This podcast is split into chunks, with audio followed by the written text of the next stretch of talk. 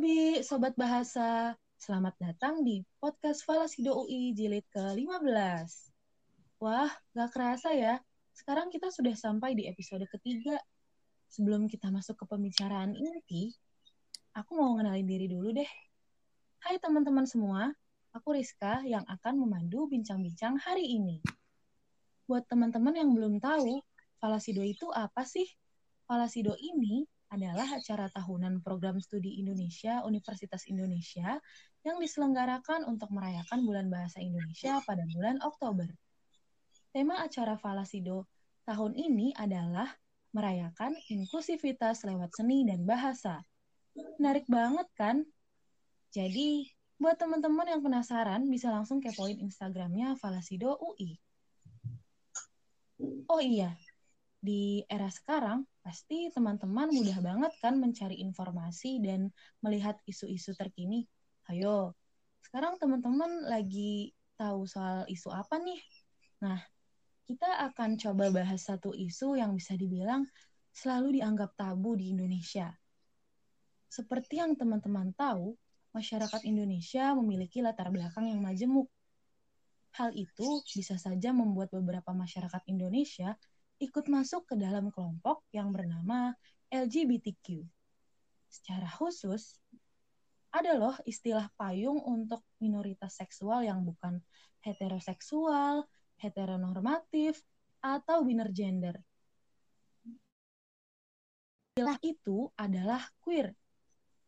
Di samping orientasi seksual yang kerap di, dikatakan menyimpang, seorang queer ini tetap sama loh seperti kita, sama-sama manusia, mereka tetap punya hak untuk menyuarakan aspirasi dan pikiran mereka.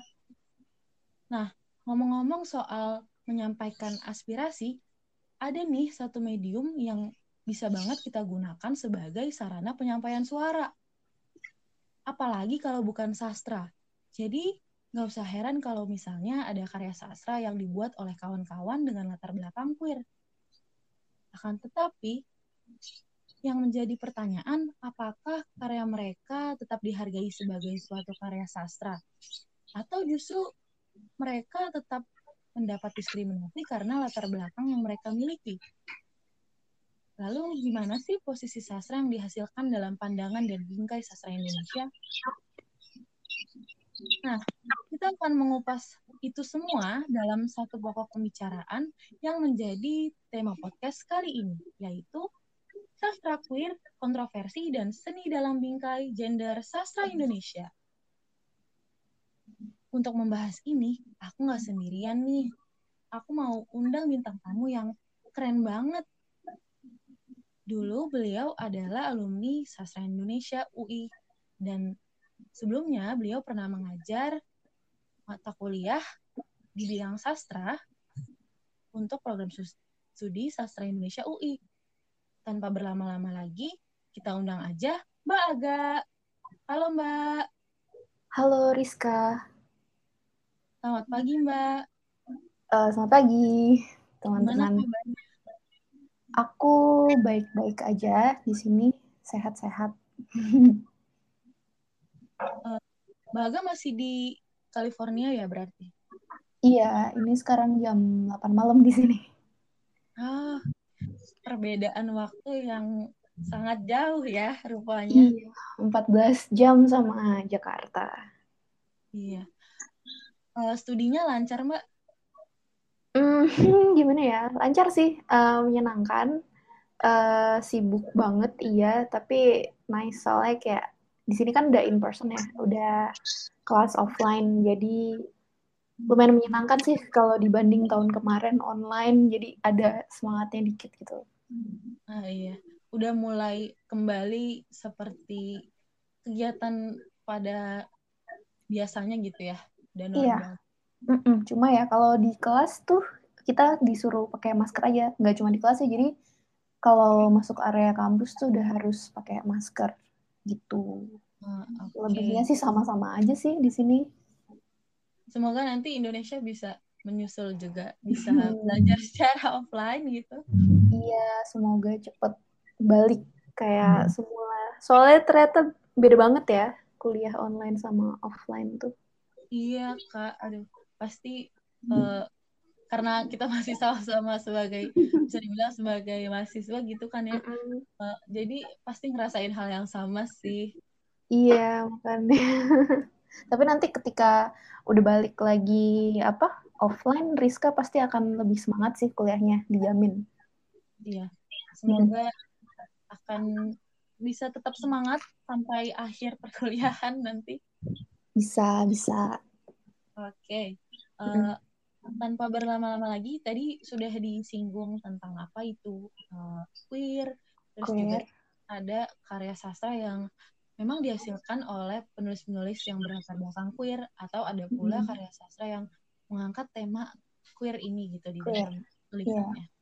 Mm. Uh, aku aku sendiri juga penasaran banget Mbak soal ini karena jujur sebenarnya aku baru tahu setelah Palasido memposting uh, obrolan ini gitu tema gitu.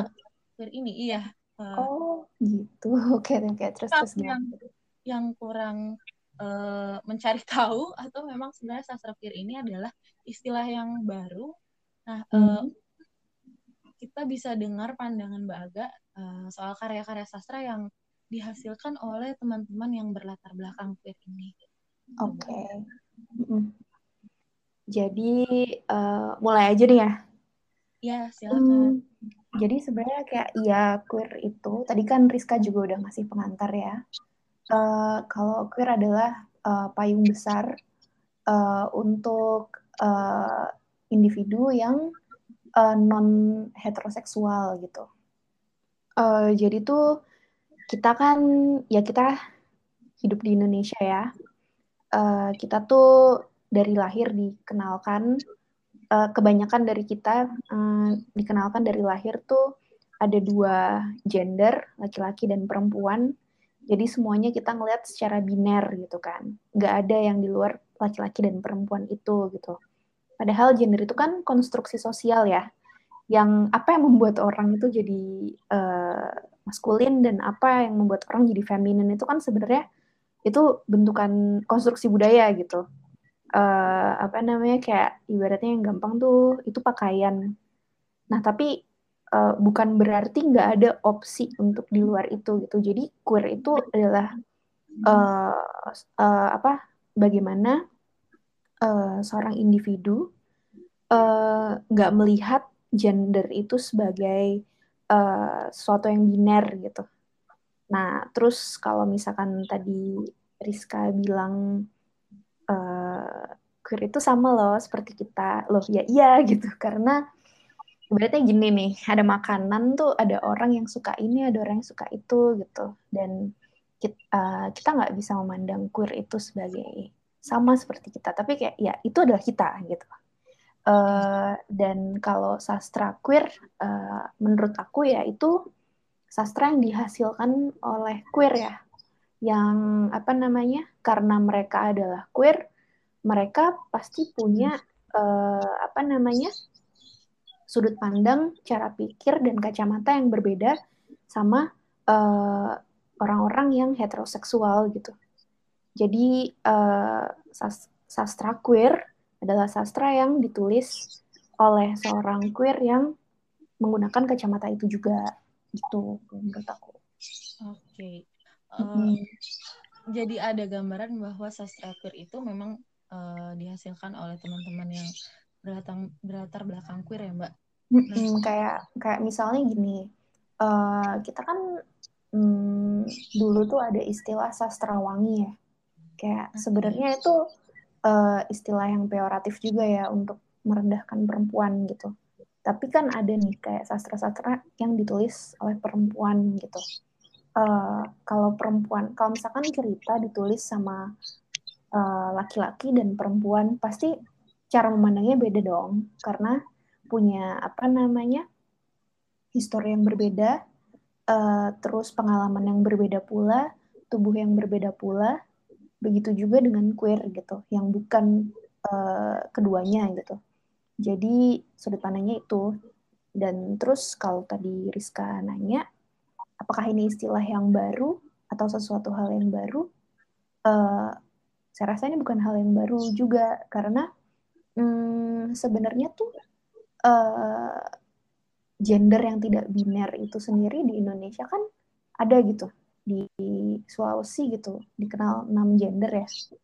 Iya. Hmm, mm, berarti kan konsep gender ini harus dua itu sebenarnya datangnya dari mana gitu. Kita kan uh, itu kita, perlu kita cari tahu gitu ya. Terus berarti kan uh, uh, tulisan atau teks yang dihasilkan orang yang non biner itu uh, atau non heteroseksual itu kan juga udah ada dari dulu ya. Cuma mungkin kenapa kita baru denger itu sekarang karena sekarang aktivisme uh, queer di Indonesia udah mulai kencang lagi gitu. Atau dan karena itu uh, apa namanya karena perkembangan teknologi juga, perkembangan media juga, kita udah mulai banyak bisa ketemu sama karya-karya uh, yang ditulis oleh queer Sementara kalau dulu hmm, kepenerbitan itu kan sangat terbatas.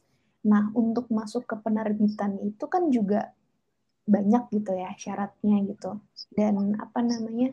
Itu sangat politis gitu. Uh, penerbit apalagi penerbit, penerbit besar gitu.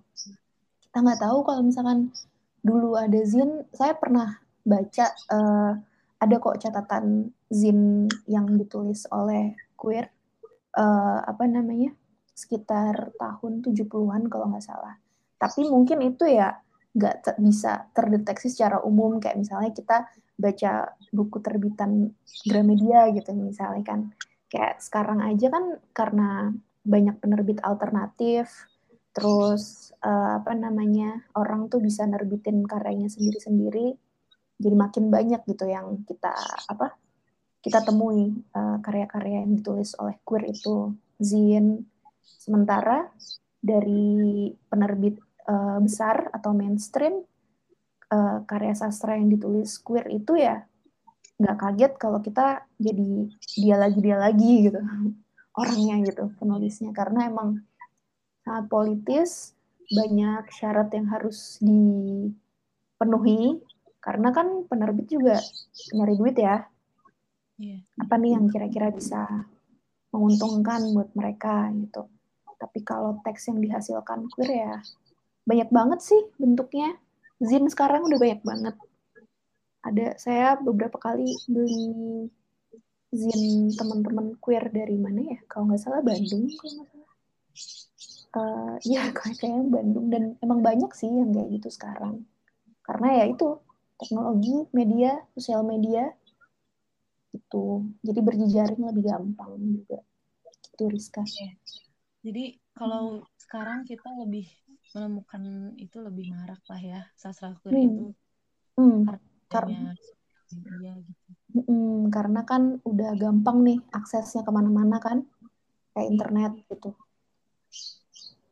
Mungkin kalau dibedakan dengan uh, zaman sebelumnya uh, yang orang-orang juga mungkin masih belum mengetahui isu-isu ini belum terlalu peka gitu. Jadi mungkin orang tidak mengetahui secara pasti kali ya Mbak kalau ini tuh sebenarnya adalah bagian dari uh, sastra queer gitu atau yang hmm. penulis queer itu sendiri hanya membagikan karyanya mungkin hanya dengan uh, apa lingkungannya saja begitu.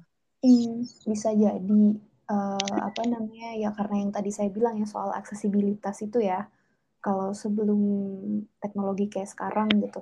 Tapi istilah sastra queer sendiri menurut saya juga agak agak apa ya jadi kayak dikotomis gitu loh nah, antara iya. yang non queer sama queer gitu iya, iya. jadi padahal ya itu sastra gitu bentuknya apa aja ditulis sama siapa aja ya sastra gitu ya mungkin emang perlu sih kategorisasi seperti itu tapi uh, apa namanya kadang tuh menurut saya pengkotakan itu jadi jadi apa memisahkan gitu kayak membuat jarak gitu gitu. Kayak ada istilah teen lit untuk bacaan remaja terus ada sastra queer jadi kita melihat sebenarnya perlu nggak ya istilah ini? Menurut mbak gimana tuh? Hmm, perlu nggak perlu sih kayak misalnya kan uh, di Amerika tuh ada African American Literature misalnya gitu ya terus karya sastra diaspora. Jadi kita tuh tahu uh, history yang ada di balik itu gitu. Kayak misalnya karya sastra diaspora tuh berarti ditulisnya sama uh, orang yang bukan asli Amerika gitu. Uh, dan itu ada konteks sejarahnya gitu kan dari dulu perang misalnya kayak ada orang Vietnam di sini pasti kan dia punya memori dan sejarahnya sendiri gitu. Orang Asia gimana orang Meksiko yang ke Amerika kayak gimana orang uh, apa African uh, American itu sejarahnya juga ada lagi. Nah dari zaman uh, slavery perbudakan di Amerika jadi itu ada konteks sejarahnya gitu. Kalau queer di Indonesia hmm, terutama di Indonesia ya. Ya jadi perlu perlu nggak perlu gitu. Tapi uh, itu perlu sih untuk uh, ngasih tahu bahwa ya ini ditulis oleh queer. Tapi tapi lagi gitu lagi-lagi kayak jadi buat apa sih uh, pemisahan seperti itu gitu. Kita bisa ngecek sendiri kan kayak dari latar belakang penulisnya kita bisa ngeliat oh queer oke okay jadi cara pandang dia dan uh, apa namanya uh, memori yang dia gunakan untuk merekam dengan memori itu gitu. Karena kan kita tahu sendiri ya di Indonesia tuh hmm, queer itu sering dianggap tabu gitu, kayak menyalahi kodrat gitu ya. Berarti kan uh, itu ngasih trauma juga sama para queer, misalnya dari uh, punya trauma keluarga atau teman-teman dari uh, hubungan sosial kayak gimana. Bahkan untuk coming out keluar aja itu kan di Indonesia tuh sebuah privilege gitu. Gitu sih. Ya. daripada menimbulkan tendensi yang kurang baik lebih baik kita menikmati sastra ya sastra gitu ya mbak.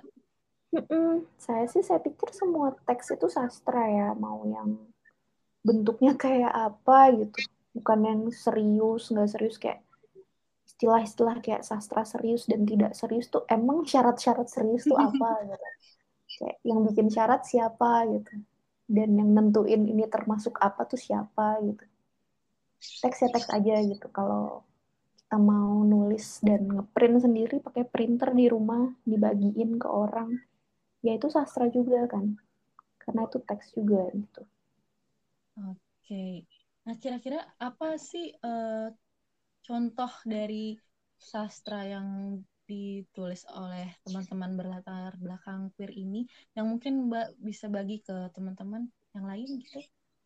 Yang paling sering uh, dan banyak dikenal sih, uh, maksudnya ini judulnya atau penulisnya gitu? Judulnya dan penulisnya. Tapi kalau misalnya uh, Mbak oh. kurang kurang tahu apa judul-judulnya gitu. Oh, iya yang paling paling apa namanya paling banyak dikenal sih dan ya yang paling dikenal ya karena itu kan diterbitinnya sama itu ya kalau nggak salah ya. Norman Erickson ya. Ah, hmm, iya. Karya-karya Norman. Tapi sebelum Norman tuh juga uh, ada banyak sih. Ada siapa tuh saya lupa namanya ada kok yang kayak gay gitu. Trans juga kita ada hmm, Abi Ardianda.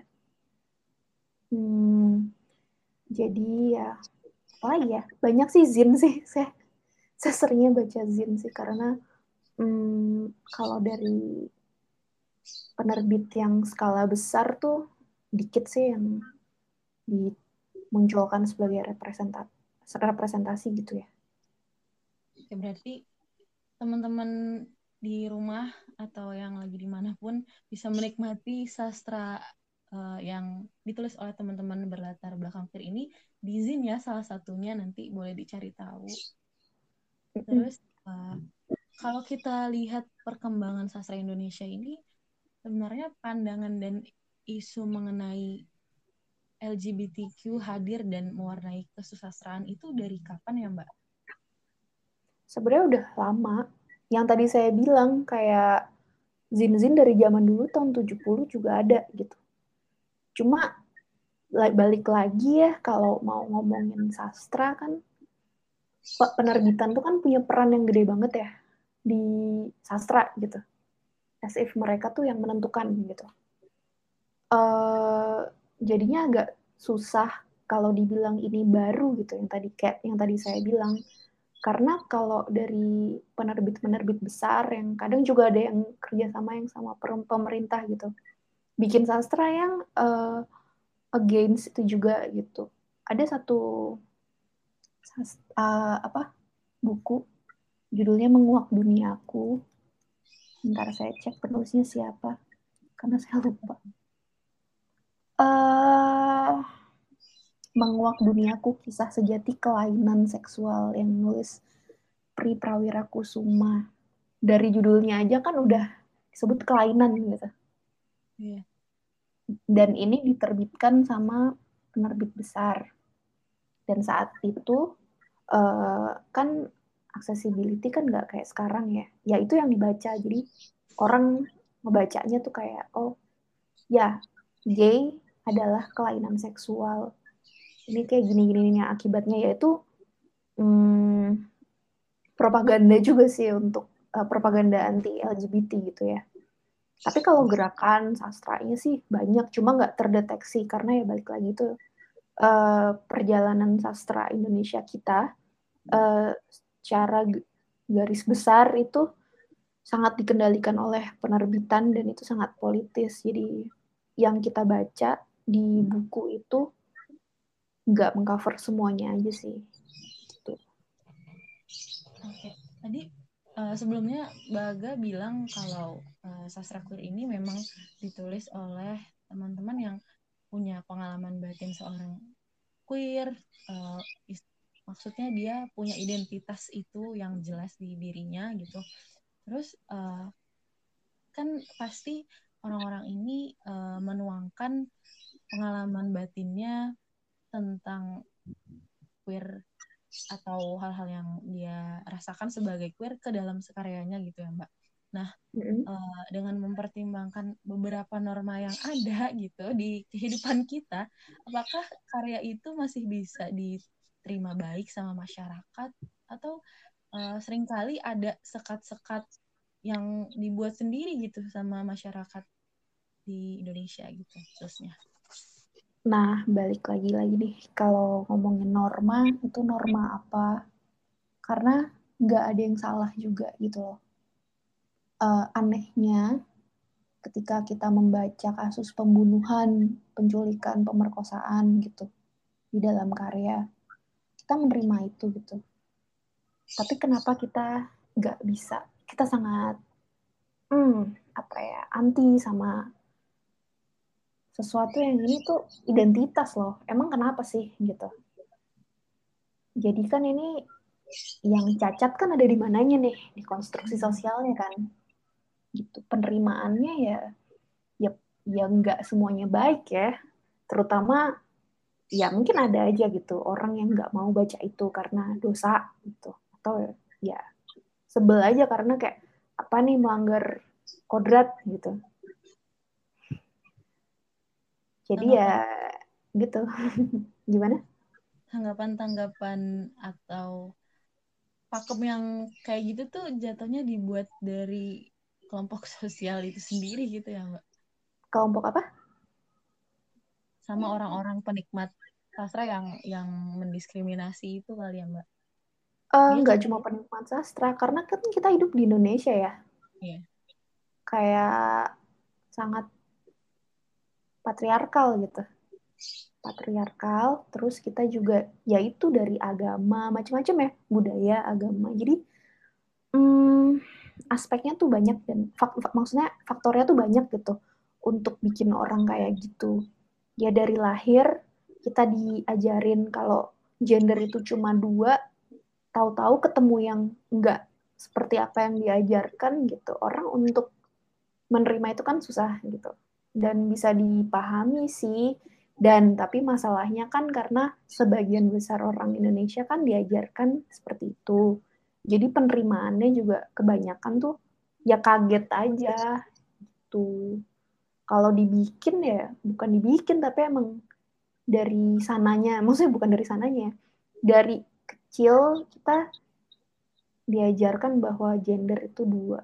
Jadi ketemu yang aneh, orang-orang yang nggak bisa berdamai sama hal baru gitu, atau yang di luar dari apa yang dia tahu. Jadi susah juga gitu sih. Padahal ya nggak ada yang salah sih uh, apa sastra yang ditulis oleh siapa pun gitu. Yaitu teks aja. Ya, teks yang dihasilkan manusia aja gitu. Kenapa harus dipandang sebelah mata atau di marginalkan kan jadi aneh ya.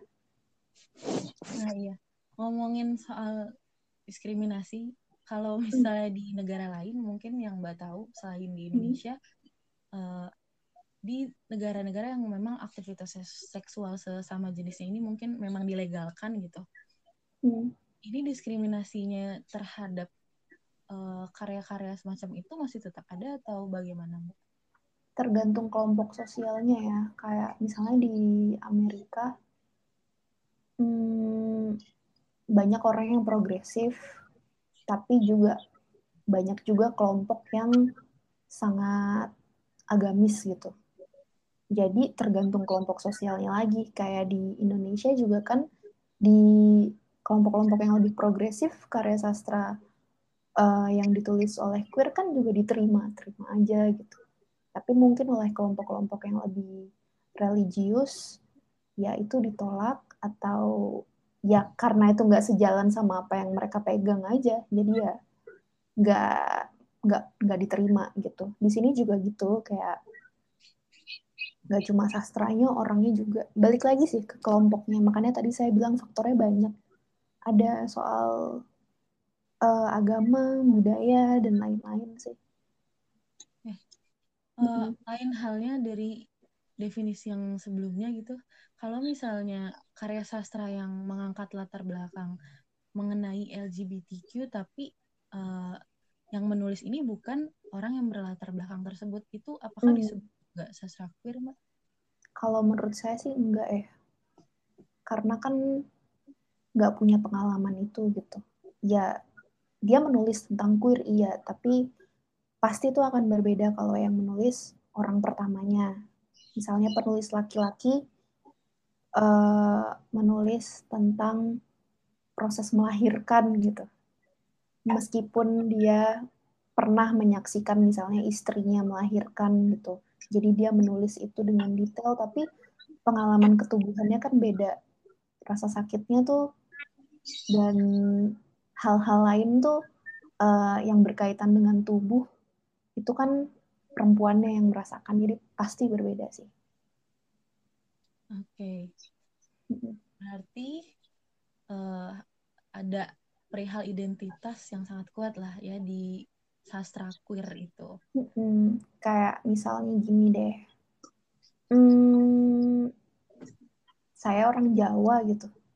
Mau nulis uh, tokohnya tuh orang Sumatera dengan segala latar belakang yang berbeda gitu. Mungkin saya bisa riset ya uh, riset mendalam untuk membangun karakter orang Sumatera ini gitu. Tapi uh, ada ajaran nilai-nilai yang ditanamkan dari kecil dan itu uh, terpupuk di alam bawah sadar saya itu kan bukan ajaran Sumatera yang habis saya riset ini gitu.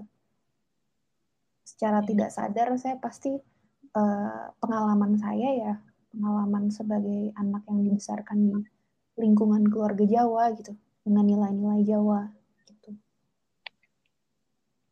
Oke, okay. tadi uh, saya udah dengar pandangan Mbak Aga soal karya-karya sastra queer yang sebenarnya ya kalau misalnya sastra ya sastra aja, gak usah dikotak-kotakan gitulah. Nah, uh, apakah karya sastra yang ditulis sama teman-teman berlatar belakang queer ini menjadi suatu kritik gitu bagi mereka atau suatu dobrakan untuk menuntut kesetaraan gender uh, ataupun hal-hal lain yang uh, menegakkan kaum mereka gitu, Mbak. Kira-kira Iya. Iya, itu cara mereka bersuara kan dan untungnya sekarang sosial media juga udah rame, akses juga udah banyak, uh, penerbit alternatif juga banyak, jadi saatnya um, queer ini menyuarakan suaranya gitu. Ada media yang bisa digunakan gitu, biar semua orang bisa dengar. Oke, mungkin uh, ini masuk ke akhir pembicaraan kita, Mbak. Uh, yang menjadi closing statement buat uh, podcast kali ini.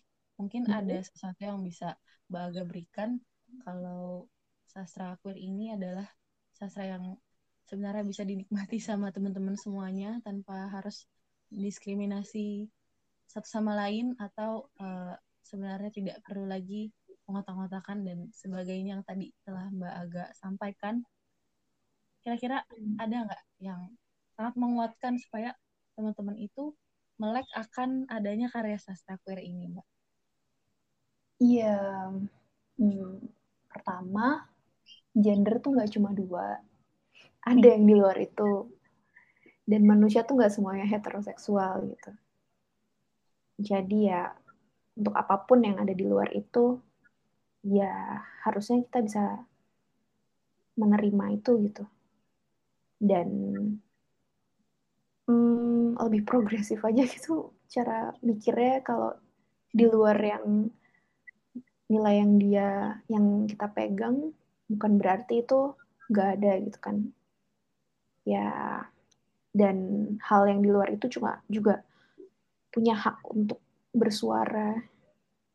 Jadi let it be aja gitu. Hmm, baca karena itu juga bagian dari kesusastraan dan ya itu bagian dari kesusastraan dan hmm, kalaupun nggak mau menerima queer itu uh, ya udah apa salahnya sih untuk membaca orang uh, tulisan orang yang punya pandangan lain gitu. Gitu aja sih. Jadi ya sastra kan banyak banget ya.